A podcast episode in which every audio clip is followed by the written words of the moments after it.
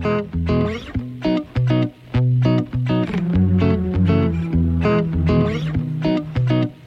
saat ini kalian lagi mendengarkan podcast El Samara. Gimana nih kabar kalian hari ini? Sekarang ini udah masuk new normal. Kalau kalian harus beraktivitas keluar rumah, jangan lupa ya pakai masker, jaga jarak, dan selalu jaga kesehatan. Oke? Uh, nah, di sebelah aku saat ini ada seorang wanita yang akan membagikan pengalamannya selama mendirikan agensi yang bernama Optimize.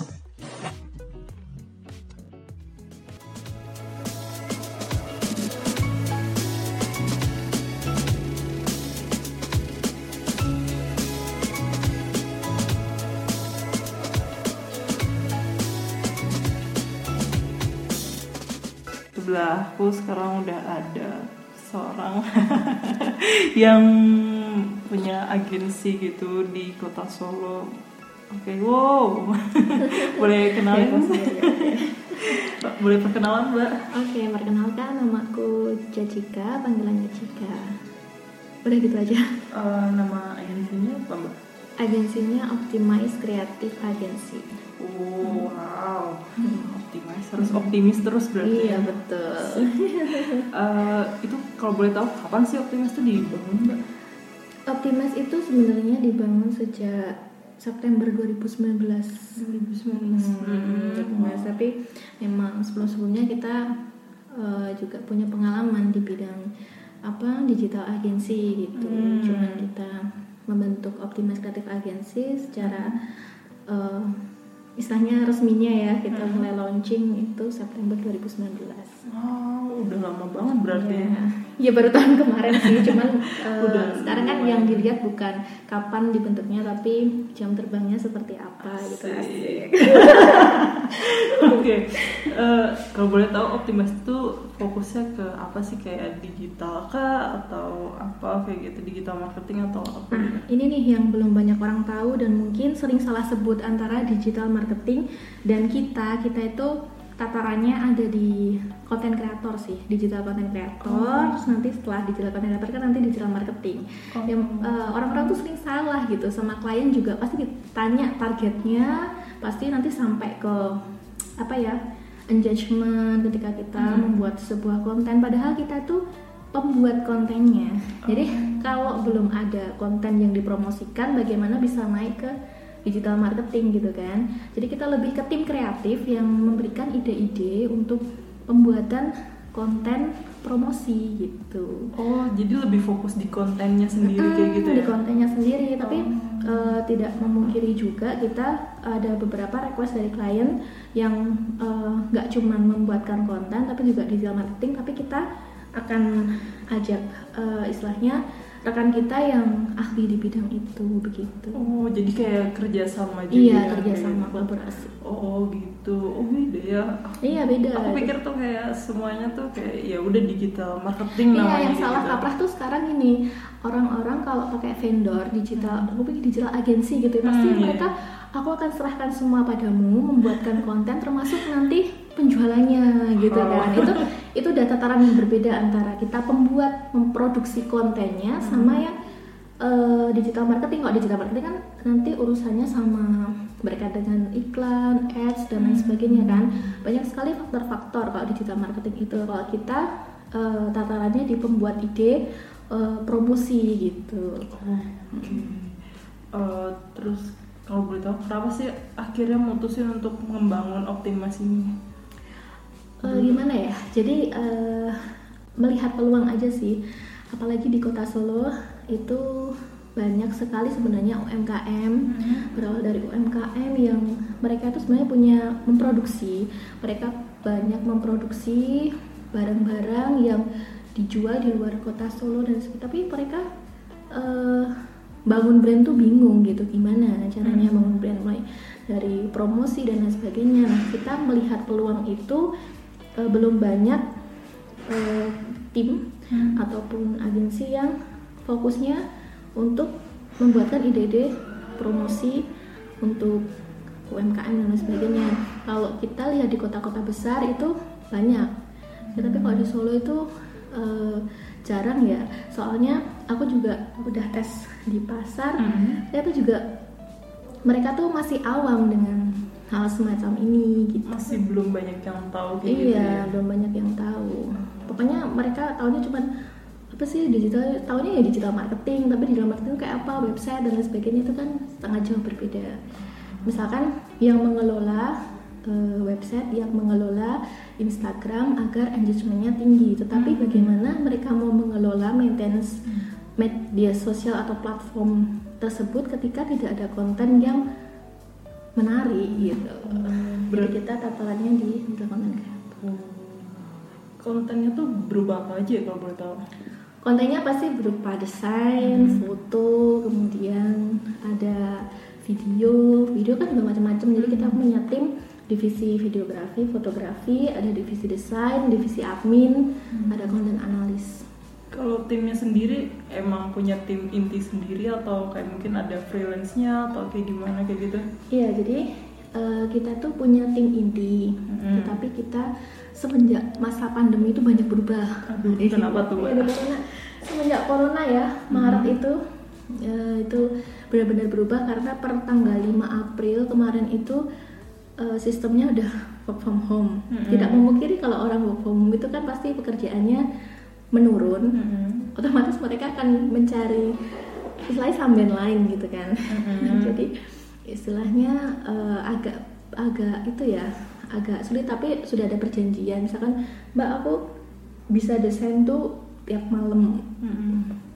mbak aku tuh bisa desain jam sekian sampai jam sekian kayak gitu tapi mereka tetap di tim optimize sih. Gitu. Sebutannya apa ya jadinya? Tapi kalau kayak ini ini kan aku ngajak salah satu nih. Oke, salah satu siapa, Boleh divisi videografer namanya Rizky. Nah dia tuh masih sering ikut. Hmm. masih sering ikut. Soalnya karena dia kan lapangan di lapangan jadi dia sering bareng lah tapi beda kalau sama desain kalau desain itu kan bisa diker- dikerjakan di rumah. Iya iya. betul. Eh, terus mbak mbak Cika sendiri kan berarti bersentuhan langsung nih sama Mm-mm. klien kayak gitu. Iya, langsung. Menghandle langsung kerjaan yang dari klien kayak gitu. Apa aja sih ada pengalaman apa aja sih aduh pengalaman kerjaan dari klien gitu kerjaan ya? dari klien tuh banyak banget suka dukanya ya kalau diceritain mungkin podcastnya bisa sampai 24 jam Wow. Oke. kita tuh menghandle beberapa klien ya dari mulai UMKM yang kecil sampai ke perusahaan ya jadi kita pernah pernah ya sampai sekarang sih jadi vendor uh, PT itu beberapa PT kita handle Oke. untuk media promosinya Wow. tapi pengalaman yang nggak pernah dilupain itu Apa tuh? salah satu pekerjaan yaitu dikasih kesempatan untuk menghandle event nasional Apa itu mbak? Jadi itu uh, eventnya event horor sih padahal kita kan timnya kebanyakan cewek ya Mm-mm. tapi itu kita handle event uh, namanya pencadar profesional Indonesia. Wow. Uh, itu waktu itu diceritakan di Semarang.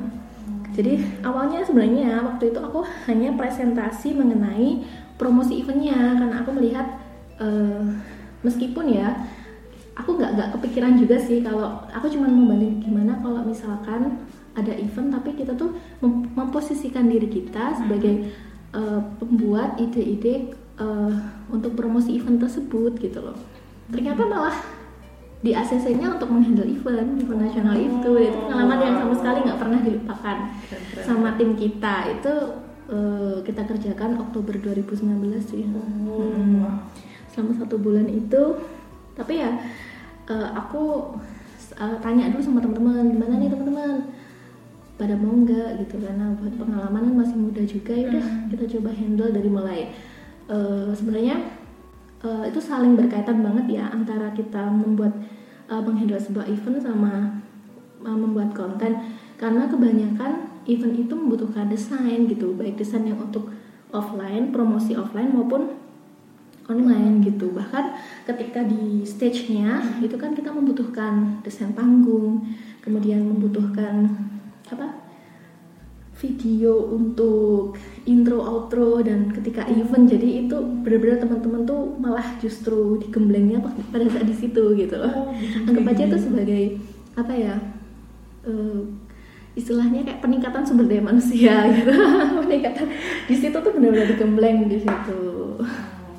Itu pernah itu. Tapi juga uh, sukanya sih ya apa ya ada beberapa klien yang kita setelah event itu kita mulai lari lagi ke UMKM kita ke perusahaan itu ada yang lancar hmm. tapi ada juga yang istilahnya banyak pelajaran yang aku dapat contohnya apa ya uh, kita menghandle sebuah klien karena sudah terlanjur percaya hmm. terus apalagi kita anak muda mereka uh, istilahnya public X aduh apa ya okay. sebuah PT lah tapi kita kesalahanku adalah aku terlalu percaya kemudian kita mengerjakan tanpa MOU di depan oh. itu juga jadi pengalaman pengalaman buruk dan itu uh, ya adalah pokoknya kejadian yang nggak mengenakan dan sampai sekarang malah jadi lost contact gitu padahal hmm. uh, miskomunikasinya itu sebenarnya uh, karena aku terlalu percaya jadi MOU aku taruh di tengah oh. ketika udah mulai pengerjaan kemudian aku pasrai MOU ternyata uh, tidak berkenan. Padahal awalnya udah oke okay, gitu. Oh. itu sih ya, buat pengalaman-pengalaman yang berarti MOU itu penting banget gitu. Iya sih jadi untuk semua konten kreator atau agensi apa pun di uh, yang mendengarkan podcast ini meskipun kita pekerjaan itu sama temen ataupun kita percaya ataupun kita merasa anak muda terus kemudian yang memberi pekerjaan kita itu lebih tua lebih pengalaman itu kita tetap harus di depan dan itu menjadi pelajaran yang luar biasa karena ada efek yang harus kita tanggung. Karena kita kan menanggung tim. Jadi ya meskipun yang memberi pekerjaan kita tuh lebih berpengalaman kita harus men, apa ya istilahnya membentengi dulu lah gitu. Jangan sampai kejadian yang serupa dialami oleh teman-teman yang lain pengen nanya nih um, kan tadi Yure kalau misalnya pernah nggak sih ngerjain kerjaan yang kayak harga tapi harga temen atau harga Aduh, saudara harga kenalan? Aku sih ya belajar dari yang dulu dulu uh -huh. sebelum aku membangun Optimize ini aku juga menjadi salah satu karyawan di agensi digital sebenarnya. Uh -huh. itu sistemnya masih seperti itu jadi harga itu bisa digoyang. Sekarang aku nggak mau nggak mau kayak gitu. Kenapa tuh ada beberapa uh, klien yang aku udah ngasih pilihan. Biasanya ada beberapa treatment sih. Yang pertama aku screening dulu kebutuhannya apa hmm. baru nanti tahap kedua aku akan mempresentasikan ide-ide konten sama uh, kontrak berlangsung itu seperti apa. Kalau dia ACC baru tanda tangan MOU ada juga yang uh, eh, UMKM kecil hmm. itu biasanya aku langsung patok langsung hmm. berapa berapa berapa pilihannya apa apa apa fasilitasnya apa banyak banget yang mereka tuh nego gitu ya tapi kalau sekarang nego tuh udah nggak aku gubris gitu karena memang pekerjaan sebagai apa ya digital content creator tuh juga nggak mudah gitu loh hmm. bukan hanya uh, ide yang kita hargai tapi juga eksekutornya setiap hari yang harus mengerjakan pekerjaan kemudian admin yang harus apa ya memikirkan ide-ide copywriting itu kan. Jadi ya daripada nanti kliennya kecewa juga karena harganya murah mendingan nggak sekalian. Tapi kita ngerjainnya bener-bener yang serius gitu. Jadi buat teman-teman yang suka minta harga teman harga kenalan aduh tolong ya sudahi saja. Tak sarankan pakai pakai aplikasi di HP aja. Kalau mau apa Instagram bagus atau apa gitu tapi harga temennya udah pakai pakai aplikasi di HP aja bikin sendiri gitu. Um, apalagi nih mbak cerita yang handle selama handle klien tuh ada lagi nggak sih yang seru-seru ya bisa dibagikan? Oh kalau seru sih ya banyak ya selama ini meskipun baru beberapa bulan optimis itu berjalan tapi tidak memungkiri pengalaman sama teman-teman ini luar biasa gitu apalagi uh, banyak uh, apa ya model klien yang kita handle nggak cuman klien-klien misalkan jilbab atau gamis atau apa tapi juga event-event yang tadi aku ceritain kemudian juga ada yang jasa hmm.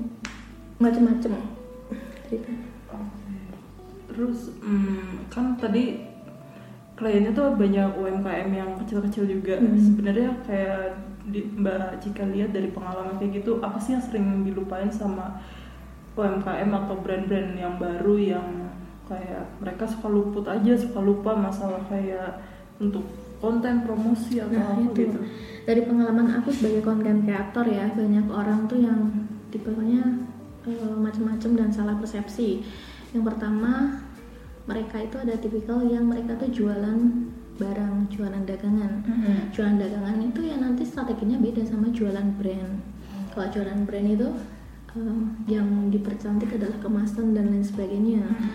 Jualan barang itu kalau misalkan musim hujan ya nanti jualannya ganti payung. Nanti kalau musim apa panas jualannya beda lagi. Itu kan namanya jualan Barang. barang gitu ya. Itu otomatis juga strateginya beda. Tapi mereka sama-sama melupakan eh, salah satu hal yang penting ketika mereka ingin mendapatkan goals yaitu revenue yang besar dari hasil penjualan sama-sama penjualan itu yaitu budget promosi. Mereka biasanya tuh eh, pengalaman aku sebagai em, apa istilahnya mendampingi klien. Mereka itu kayak mengabaikan banget gitu budget promosi dan mereka tuh fokusnya ke produksi gitu loh Nah, eh, padahal kita lihat perusahaan-perusahaan besar pun juga budget terbesar malah di promosi, iya di promosinya. Makanya sekarang makanya di era yang semakin berkembang ini ada banyak teori baru yang bermunculan, ada teori pre-order atau apa. Itu kan Hmm. mereka promosi dulu baru mereka produksi. Iya, Tapi selama ini kalau kebanyakan di kota Solo pun ya Hmm. yang beberapa klien yang aku handle itu mereka lebih terfokus di budget produksi tapi mengabaikan budget promosi. Ya tadi jatuhnya kalau pakai vendor harganya jadi harga teman gitu loh. Iya. dan mereka melupakan itu. Mm-mm. selain itu ada lagi nggak sih mbak? Kayak apa sih yang suka dilupakan lagi? Kayak gitu.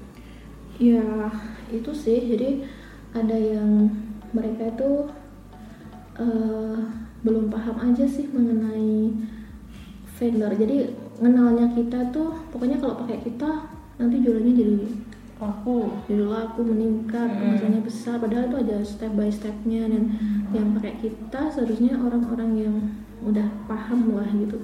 Paham mengenai apa kenapa sih promosi itu penting? Kenapa sih ide-ide promosi itu harus yang eh, nggak biasa dari yang lain gitu Ini mbak. Eh, apa sih kesulitan yang mbak Cika alamin selama membangun optimis ini? Oh ya. Jadi untuk kesulitan terbesar eh, pengalamanku menghandle tim optimis kreatif agency dan menghandle manajemen di timnya sendiri. Karena waktu eh, kita full time bareng-bareng di kantor pun juga banyak yang contohnya ya ini. Kayak apa pekerjaanku lebih berat daripada dia dan lain sebagainya. Itu jadi manajemen SDM sih menurut aku yang Mm-mm. terus kalau yang otomatis ketika sistem berubah kayak WFA ini beda lagi. Jadi kita harus eh, karena kita kalau udah sama klien itu kan harus cepet ya. Maksudnya kita nggak ada keterlambatan dan lain sebagainya itu biasanya kita harus eh, rolling gitu jadi kesulitan eh, membangun agensi ya. Di awal itu kita akan menyamakan persepsi dengan tim. Hmm, dan eh, PR terberatku sampai sekarang adalah manajemen tim. Meskipun sekarang aku merasa lebih eh, lebih udah kayak gimana ya udah bisa menempatkan diri lah. Istilahnya udah agak enak gitu. Tapi manajemen tim itu yang menjadi PR yang harus aku pelajari terus gitu. Karena eh, dulu awal-awal juga masih banyak yang kayak misalkan job desk ini namanya tim kreatif ya itu tuh namanya tim kreatif itu kalau disuruh kamu nanti kedatang jam segini terus nanti habis ini ngelap ini ini ini, ini. kan itu kan beda sama tim kreatif Kalau tim Hmm. kreatif memang pengennya tuh kita eh, apa ya istilahnya bisa menyalurkan ide-ide gitu karena Hmm. yang aku pilih juga pastinya orang-orang yang bisa memberikan kontribusi tapi tidak memungkiri dari eh, beberapa aku rekrut tim itu ada dua tipikal tim yang satu harus disuruh baru dia bisa ada yang eh, apa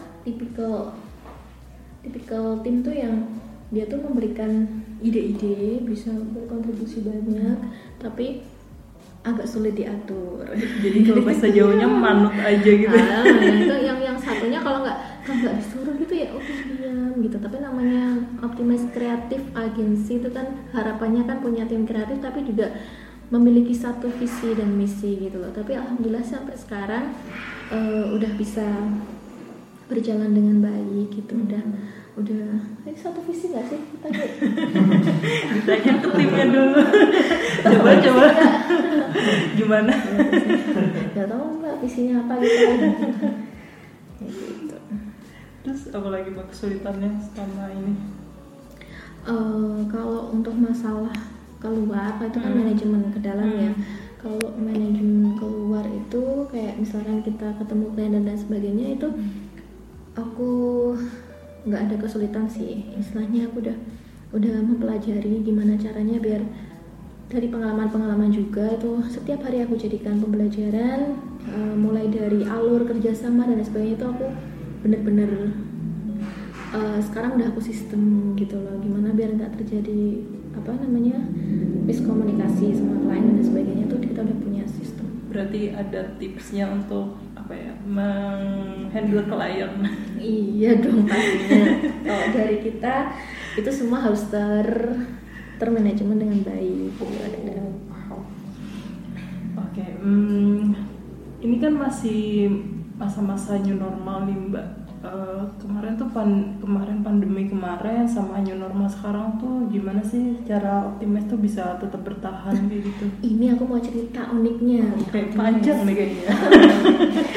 Jadi sebenarnya setelah uh, terjadinya bencana corona, mm -hmm. bencana corona, aku tuh kayak apa sedikit demi sedikit kan klien kan istilahnya tetap berkurang ya. Hmm. dan aku juga yang kemarin-kemarin itu bener-bener gencar. Aku sering sehari itu bisa beberapa kali meeting ini tuh selama corona tuh aku udah ayo udahlah apalagi kan kemarin habis merit tuh. Oh, ya, istirahat ya uh, bulan Maret itu pas habis merit ada corona. Aduh ya ampun ya udah mungkin mungkin amin aku disuruh istirahat gitu.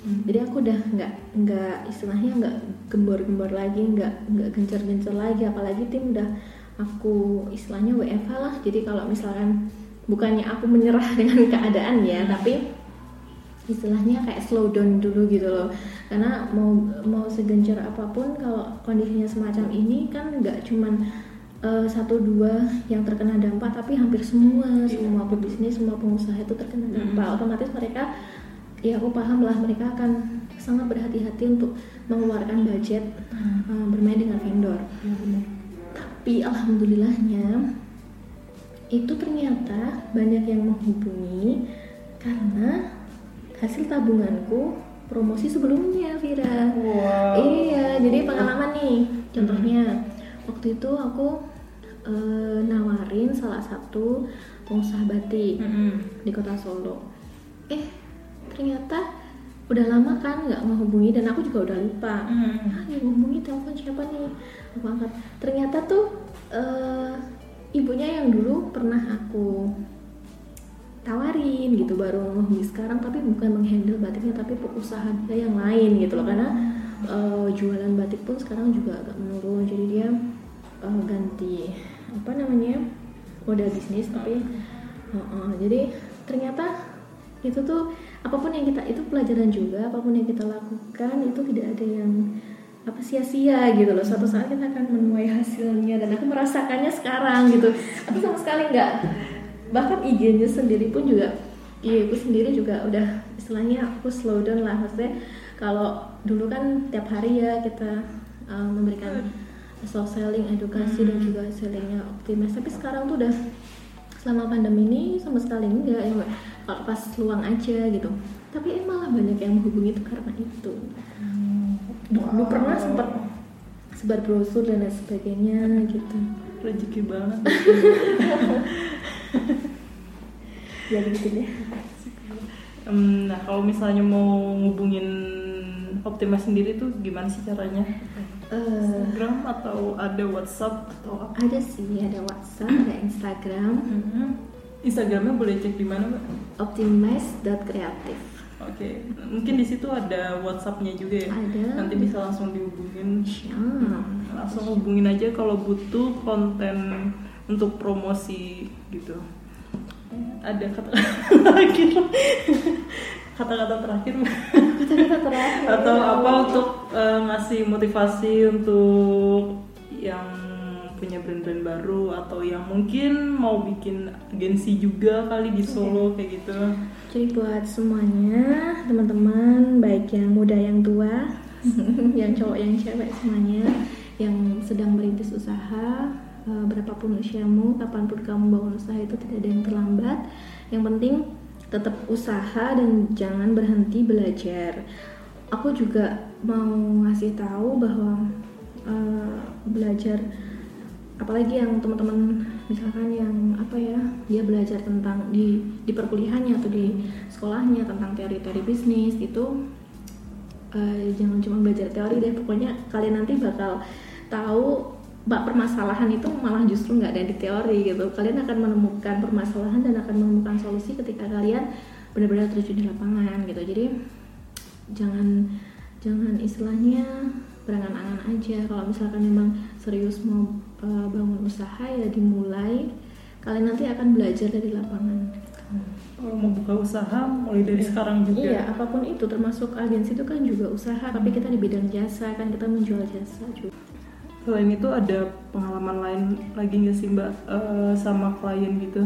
Oh, pengalaman sama klien yang lucu juga ada Hmm, mau oke. cerita nih jadi eh, salah satu bukti bahwa beberapa eh, orang yang belum paham mengenai brand Hmm. eh, kemudian dia menganggap kita eh, sebagai ahlinya digital marketing yang semua tuh di, di- dipasrahkan ke kita gitu jadi eh, ada suatu waktu saya tuh punya klien kemudian kita udah presentasi kita udah oke di tengah jalan kemudian eh, ini hanya masalah warna sih sebenarnya Hmm. sebenarnya masalah sepele kalau brand itu kan sebenarnya eh, aspeknya banyak ya Hmm. nggak cuman bicara tentang logo Mm-mm. tapi brand itu juga strategi itu juga brand strategi A dan strategi B eh, brand A dan B itu pasti beda termasuk juga warna itu salah satu komponen aja sih komponen brand itu sebenarnya masalah yang itu. Tapi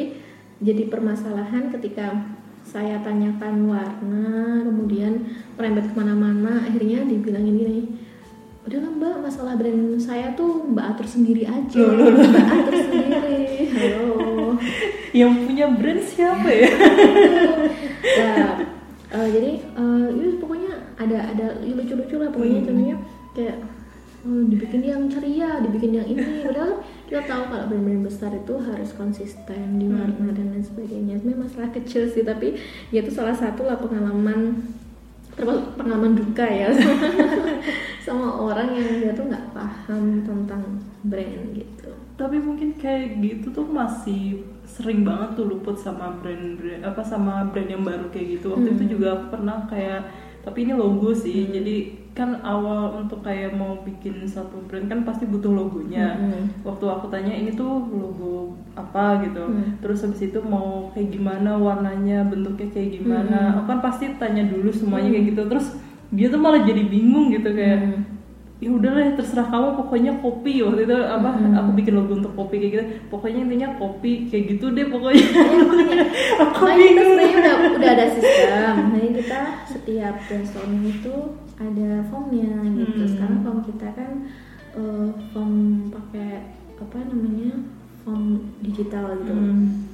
udah dimasukin warnanya Hmm. warnanya orange kuning gitu udah dimasukin tapi ketika kita desain kita pakai warna itu jangan eh, pokoknya warnanya minta yang ceria gitu ceria yang gimana udah, udah kita udah sesuai sama guide kan aku udah bilang dari awal itu formnya itu menjadi guideline tim produksi untuk mengerjakan karena kita itu eh, memberikan eh, substansi atau ide kontennya Hmm. tapi kita tidak merubah brandnya karena Hmm. brand itu kan ya termasuk filosofi itu Iya. kan juga brand dari tapi malah jawabannya kayak gitu brand saya tuh mbak atur sendiri aja gitu jadi jadi geli juga sih kalau denger kayak gitu agak bingung sih itu brand siapa ya coba berani bayar berapa ratus juta gitu ya nah, kalau berani sih nggak apa-apa atau ownernya pindah aja ownernya di saya Iya. gitu. Oke. Wah, ternyata banyak juga ya lika-liku mendirikan agensi itu. Wow. Oke, eh, ikutin terus kisah-kisah lainnya dari kami di channel El Samara yang tersedia di YouTube dan Spotify. See you on the next time. Bye.